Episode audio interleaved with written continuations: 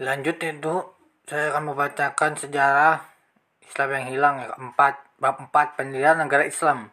Tibunya Ali dan tangan Khawarij di tangan Khawarij dan naiknya Muawiyah menjadi khalifah akhir era yang bisa disebut Khalifaur Rasyidin.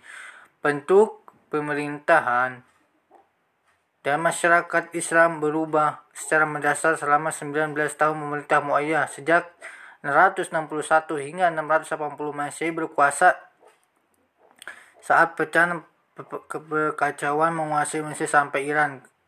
Keahlian dan kompetisi politik Muawiyah membantu mencegah dunia jatuh ke dalam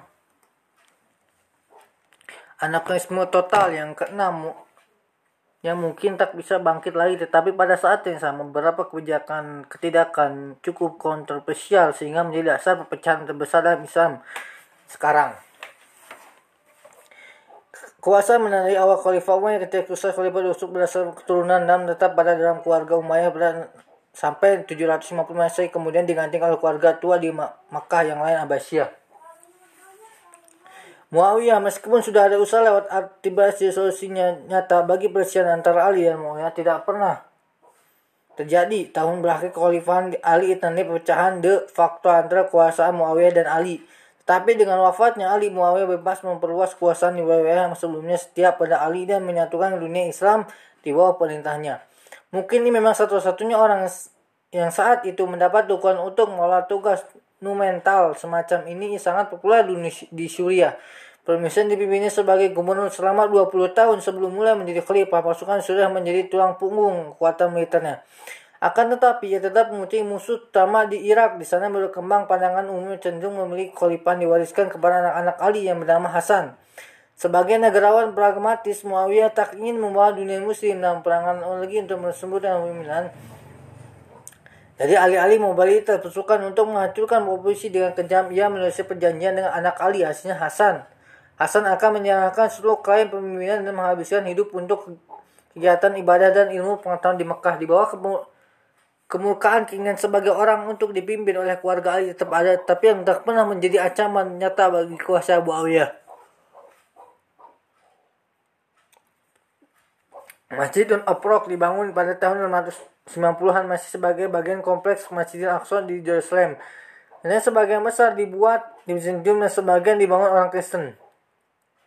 Khalifah juga mengadakan negosiasi perjanjian dengan lawan potensial lain dalam banyak cara. Muawiyah memerintah seperti memimpin suku Arab para Islam, menunjukkan hubungan keluarga, kode kehormatan, taklis dan hadiah untuk melancarkan dan dalam politiknya. Karena semasa muda ia tinggal di Mekah dan menyaksikan seayah memimpin Quraisy ia diragukan lagi bahwa tradisi lama tertanam dalam gaya politiknya tetapi pada yang sama Muawiyah mulai mengubah sistem khalifah menjadi monarki di ala khalifah Khalifah pertama yang duduk di tahta dan sholat di era tertutup di masjid yang menimbulkan kemungkinan pembunuhan. Ia tak mengikuti jejak sederhana dan bersahaja seperti teman khalifah pertama malahan budaya keluarga raja dan istana sebelumnya mewarnai keasaran Roma selanjutnya menjadi bagian khalifahan untuk kali pertama setelah Nabi wafat khalifah sekadar menjadi yang pertama di antara yang setara banyak kisah peta, ter, bertahan tentang asketisme empat pemimpin awal seperti Umar yang tidak dikenali orang biasa atau mulai pengawalan khusus. Muawiyah menjabati kekhalifahan sederhana sebelumnya monarkis sudahnya. Ia berjalan ke pasar di Markus dengan baju bertambal saat masjid besar dan rumit dibangun oleh para arsiteknya. Sebagai untuk Muawiyah mengurangi tekanan perpecahan politik antara musim, Muawiyah memilih fokus untuk memperluas batas-batas kekhalifahan. Ini mengingatkan akan sosok Umar yang fokus terhadap ekspansi di luar setelah perang dan negeri perang Tabuk. Muawiyah mengirim pasukan untuk meneruskan perang melawan Kaisar Minjum di darat dan di laut. Pulau pulau penting seperti Rhodes dan Kreta di laut Aiga diduki oleh angkatan yang lain yang didirikan Utsman. Didukung kemenangan ini untuk kali pertama pasukan muslim yang mampu mengepung Konstantinopel. Ibu kota Mesjidum, kota legendaris di dipandang penting sejak hari awal Islam saat Nabi menjanjikan bahwa akhir pasukan muslim akan melakukan kota yang jauh dan seolah tak tertembus.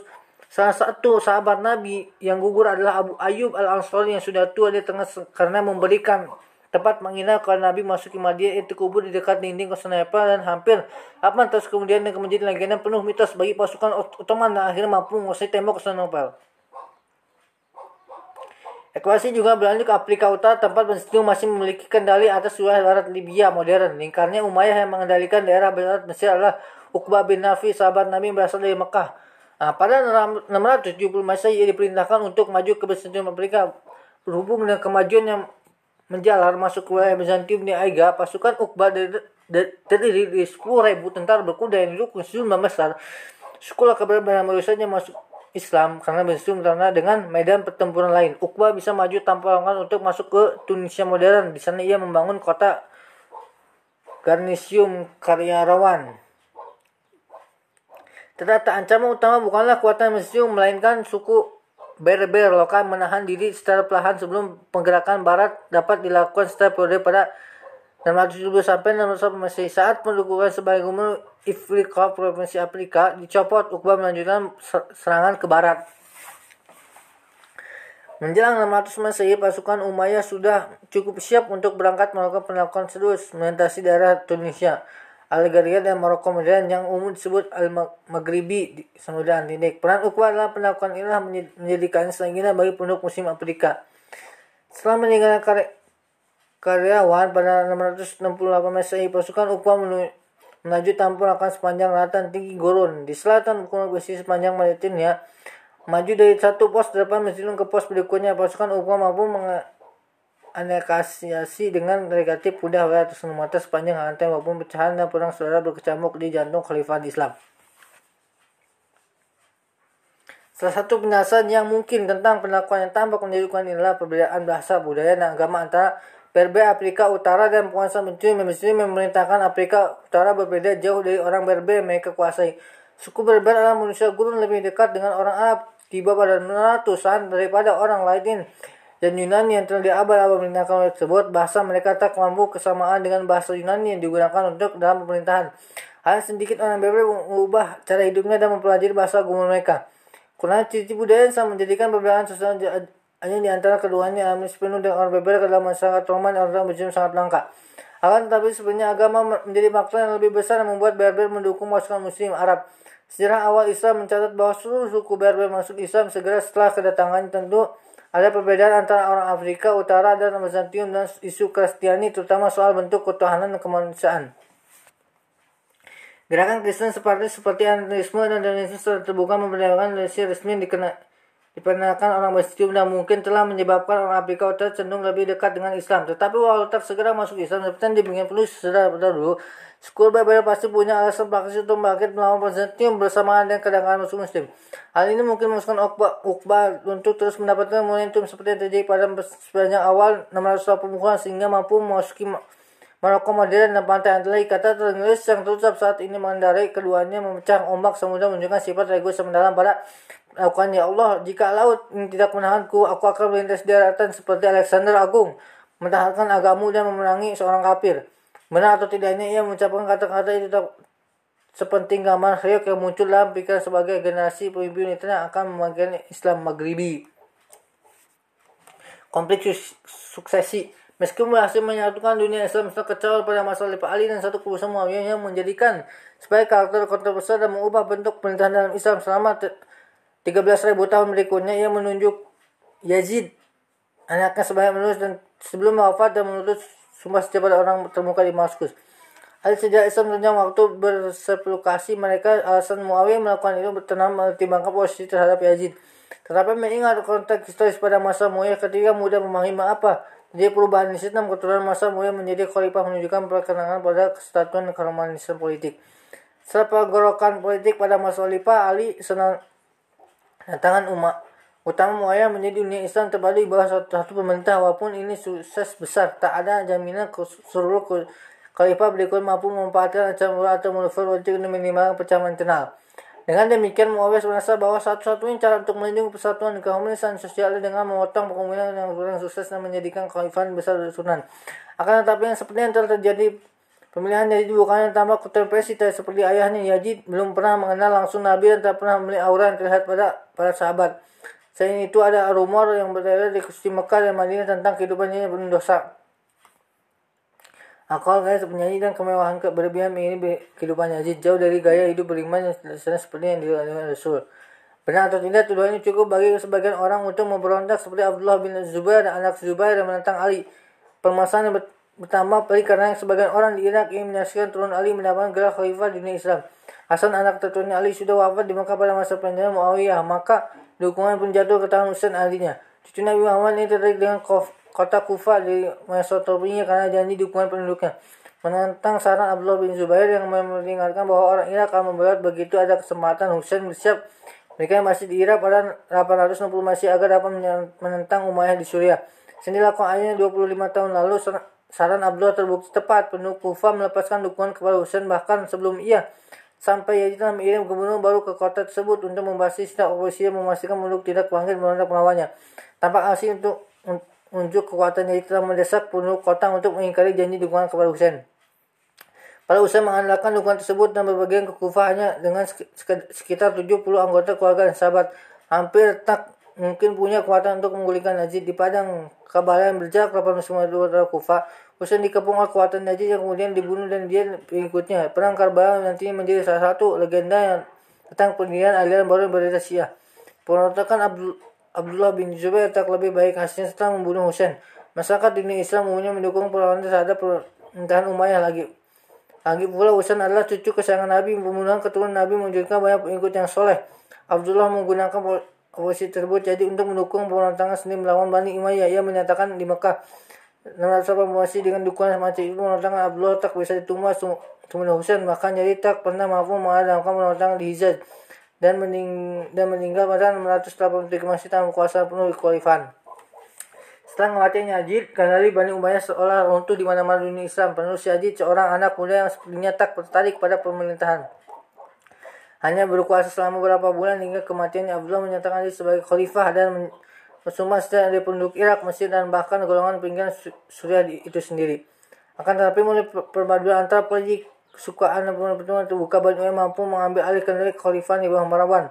Salah satu keponakan Muawiyah di bawah Marwan dan anaknya Abdul Malik Bani Umayyah mengambil kembali kendali atas Suriah dan Mesir dan Irak dan akhirnya memadamkan pemberontakan Abdullah bin Az-Zubair ke Mekah pada 690 Masehi. Bani Umayyah bangkit dari ancaman kemudahan untuk memulai kembali kendali penuh atas kerajaan muslim. Ini pasti akan bukan, bukan kedamaian kesalahan yang diharapkan Muayyah saat menunjuk putranya sebagai khalifah.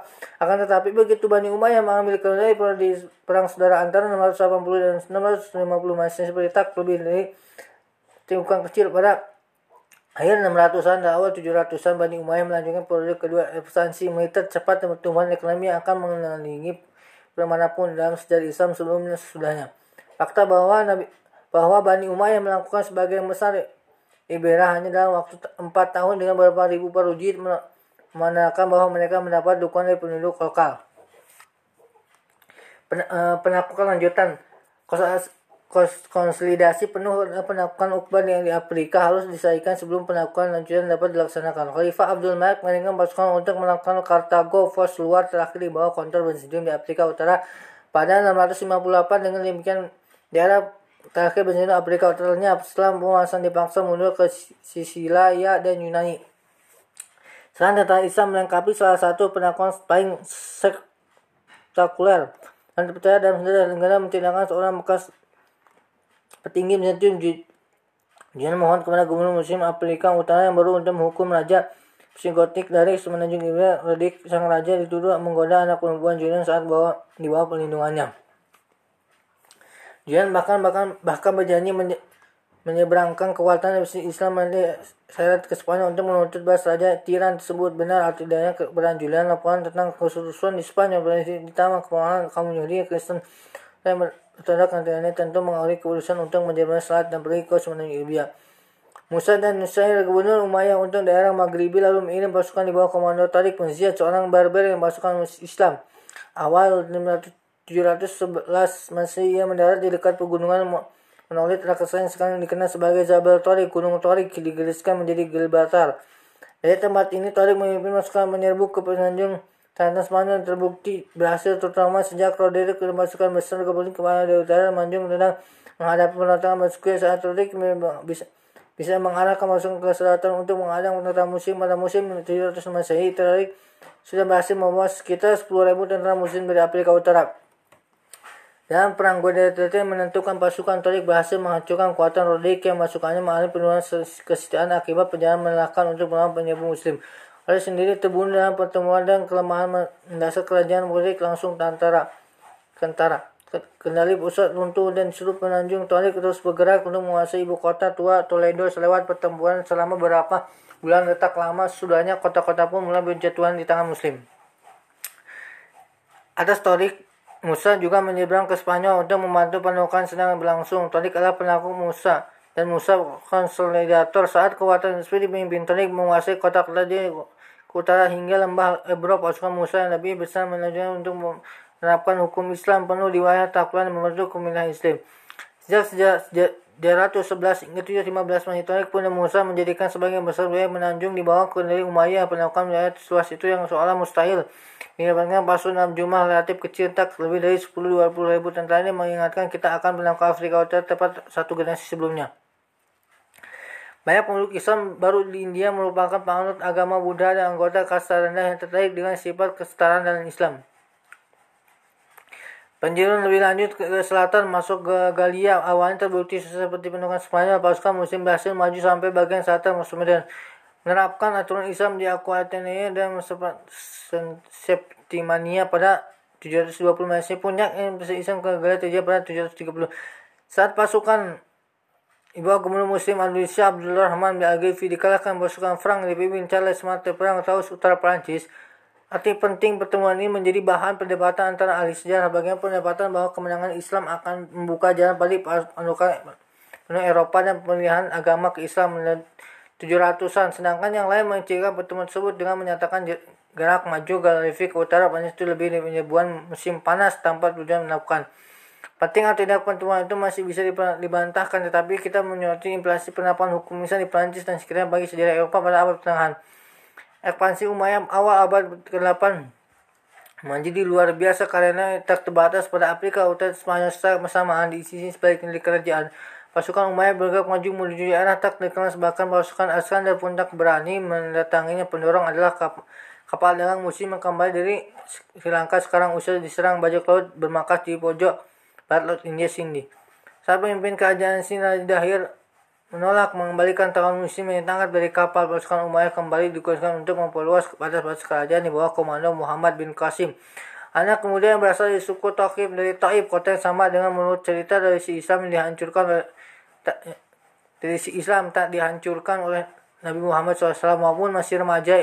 Ibnu Qasim terbukti mampu menjadi pemimpin di bawah pengawasan Hajat bin Yusuf gubernur Irak bersama 6.000 tentara Suriah yang dikirim oleh nasi Persia termasuk anak penua India 700 Masehi 1711 Masehi tahun yang sama saat bin Ziyad masuk ke Spanyol.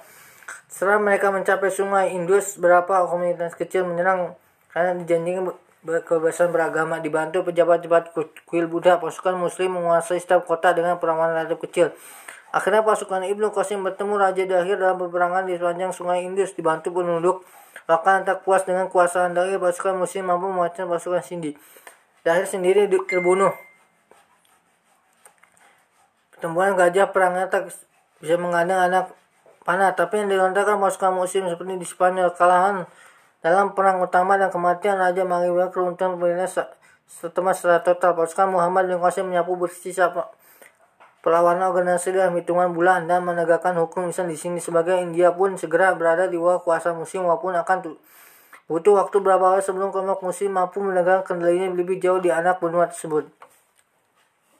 Bagi masyarakat Sindi, Melakukan Islam tidak mengubah kehidupan saya terlalu banyak berdasarkan nasihat atasan di Irak. Ibnu Qasim memberikan kebebasan beragama bagi umat Buddha dan Hindu seperti yang diberikan kepada umat Kristen dan Yahudi di tempat lain dalam dunia Islam. Oleh kemudian musim yang baru, kuliah dan patung yang dihancurkan dalam pertemuan boleh dibangun kembali sekali lagi. Persyaratan longgar ditawarkan pihak muslim hanya menimbulkan sedikit kepuasan atas hukum Islam kemanusiaan sosial. Pada pertengahan 700-an Khalifah Umayyah membentang dari membentang dari Spanyol sampai India dan menjadi kerajaan terbesar di dunia hanya dalam waktu 100 tahun.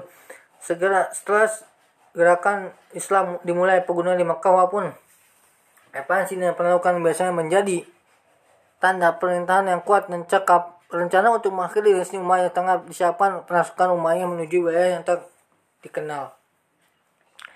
Sementara pemberontakan lain melawan Umayyah gagal kali menggunakan akan berhasil karena memanfaatkan banyak kelompok etnis berbeda yang berada di bawah kontrol Islam yang mereka tidak puas dengan ke kebajikan sosial Umayyah. Ekspansi yang cepat berarti semakin banyak penduduk muslim yang berada di bawah kendali muslim. Panisme penduduk muslim sejak awal hingga pertengahan 700-an diperkirakan hanya sekitar 10% sisanya campuran dari orang Kristen, Yahudi, Zoroaster, dan Buddha dan Hindu. Menurut hukum Islam, kelompok-kelompok tersebut mendapat kebebasan beragama Misalkan dari kewajiban ini harus membayar pajak perusahaan atau jizyah. Sebenarnya umum muslim hanya dikenal pajak tanah dan zakat pajak wajib yang akan dibagikan kepada orang miskin, walaupun biasanya lebih kecil daripada pajak muslim atau senani pada Islam. Dia lebih masih lebih tinggi daripada pajak yang dibayarkan orang muslim. Seleksi ekonomi di alam sendiri adalah non muslim masuk Islam agar membayar pajak lebih rendah. Tetapi solusi ini menimbulkan masalah bagi pemerintah Umayyah jika seluruh non muslim Islam penerimaan pajak, pajak bakal anjlok sehingga Indonesia tidak memungkinkan untuk militer lebih lanjut tanpa menyerbu kemewahan Islam Muaya. Akibatnya usaha untuk menjaga penerimaan harus dilakukan. Muslim yang masuk Islam disyaratkan tetap membayar pajak sisa senilai sebelum mereka masuk Islam.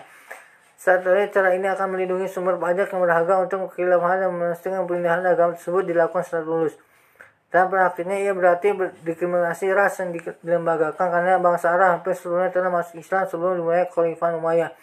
Orang Mesir belakang adalah bangsa non-Arab seperti Koptik, Yunani, Berber, dan terlalu bersiap. Mereka muslim yang harus membayar jizyah sedangkan saudara seiman mereka dari Arab dibebaskan tujuan Umayyah mungkin hanya melindungi sumber pajak mereka tapi kebijakan yang akhir berkelindan dengan ekspektasi membuat komunitas non-Arab terberat di bawah kemiskinan bawah masyarakat sedangkan Arab melangkah naik. Dari prinsip agama ini dengan keseruan Nabi Muhammad saat haji bersamaan dengan persatuan yang sebenarnya tidak orang Arab yang lebih baik daripada bukan Arab dan tidak orang bukan orang Arab yang lebih baik daripada orang Arab. Sebuah upaya pernah dilakukan oleh Pak Umar bin Abdul Aziz untuk membatalkan kebijakan pajak pajak yang tak Islami selama masa kuasaannya dari 717 sampai 720 masih. Apa pun informasi ini sangat populer di kalangan non Arab, ia tak dipercaya oleh keluarganya sendiri dan diracuni Bani diracun oleh Bani Umayyah hanya dua tahun setelah berkuasa.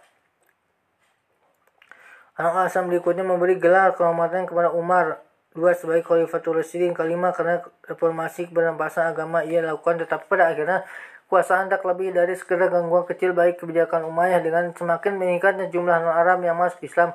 Kebiasaan akan kebijakan panjang yang tersetara pun berkembang menangui gelombang kedekuasaan keluarga tua lain dari Mekah bangkit untuk mengambil alih khalifah Bani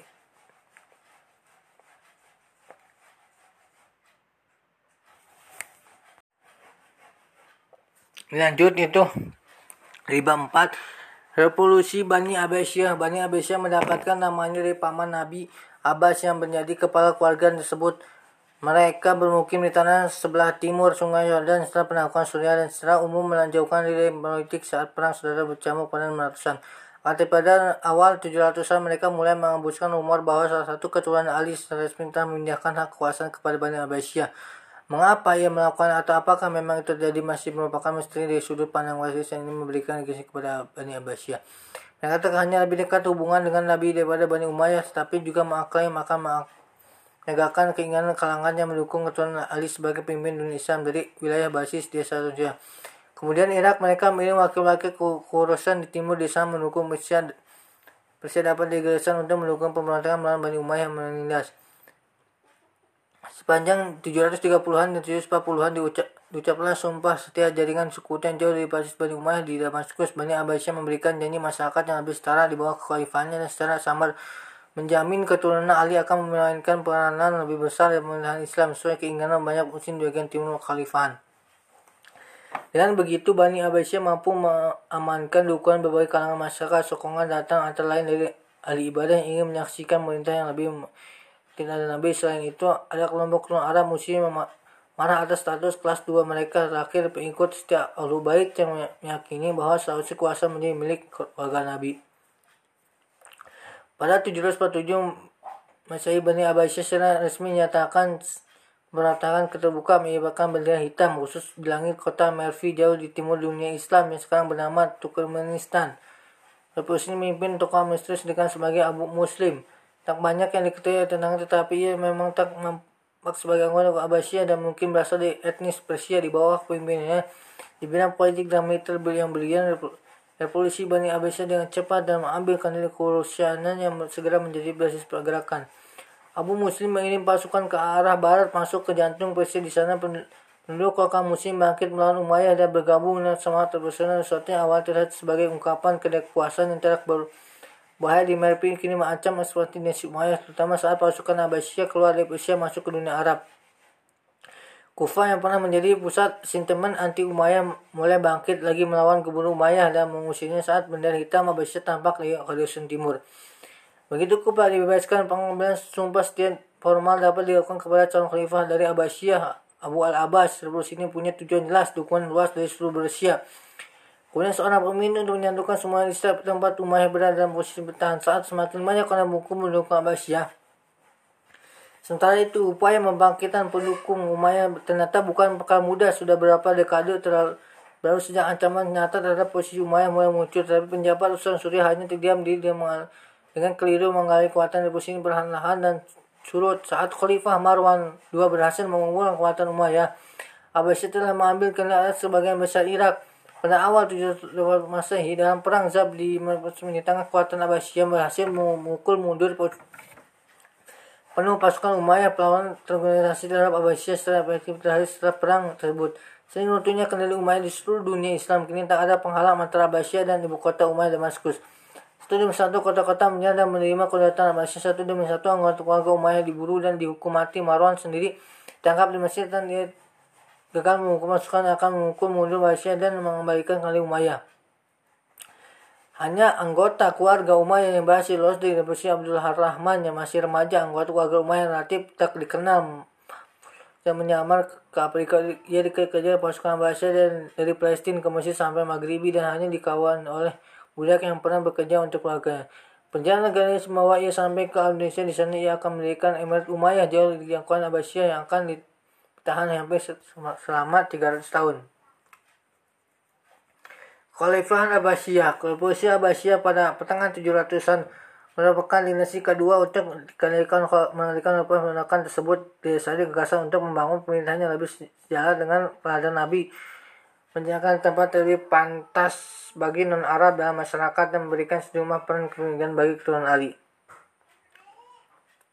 Janji besar yang tersebut memang perlu untuk menggalang dukungan beberapa grup yang membuat revolusi berhasil. Tapi kita bisa berkuasa relatif khalifah mereka tak yang diharapkan. Revolusi tak serta mata membuat dunia Islam kembali ke arah khalifah Rasyidin kata kesalehan lah.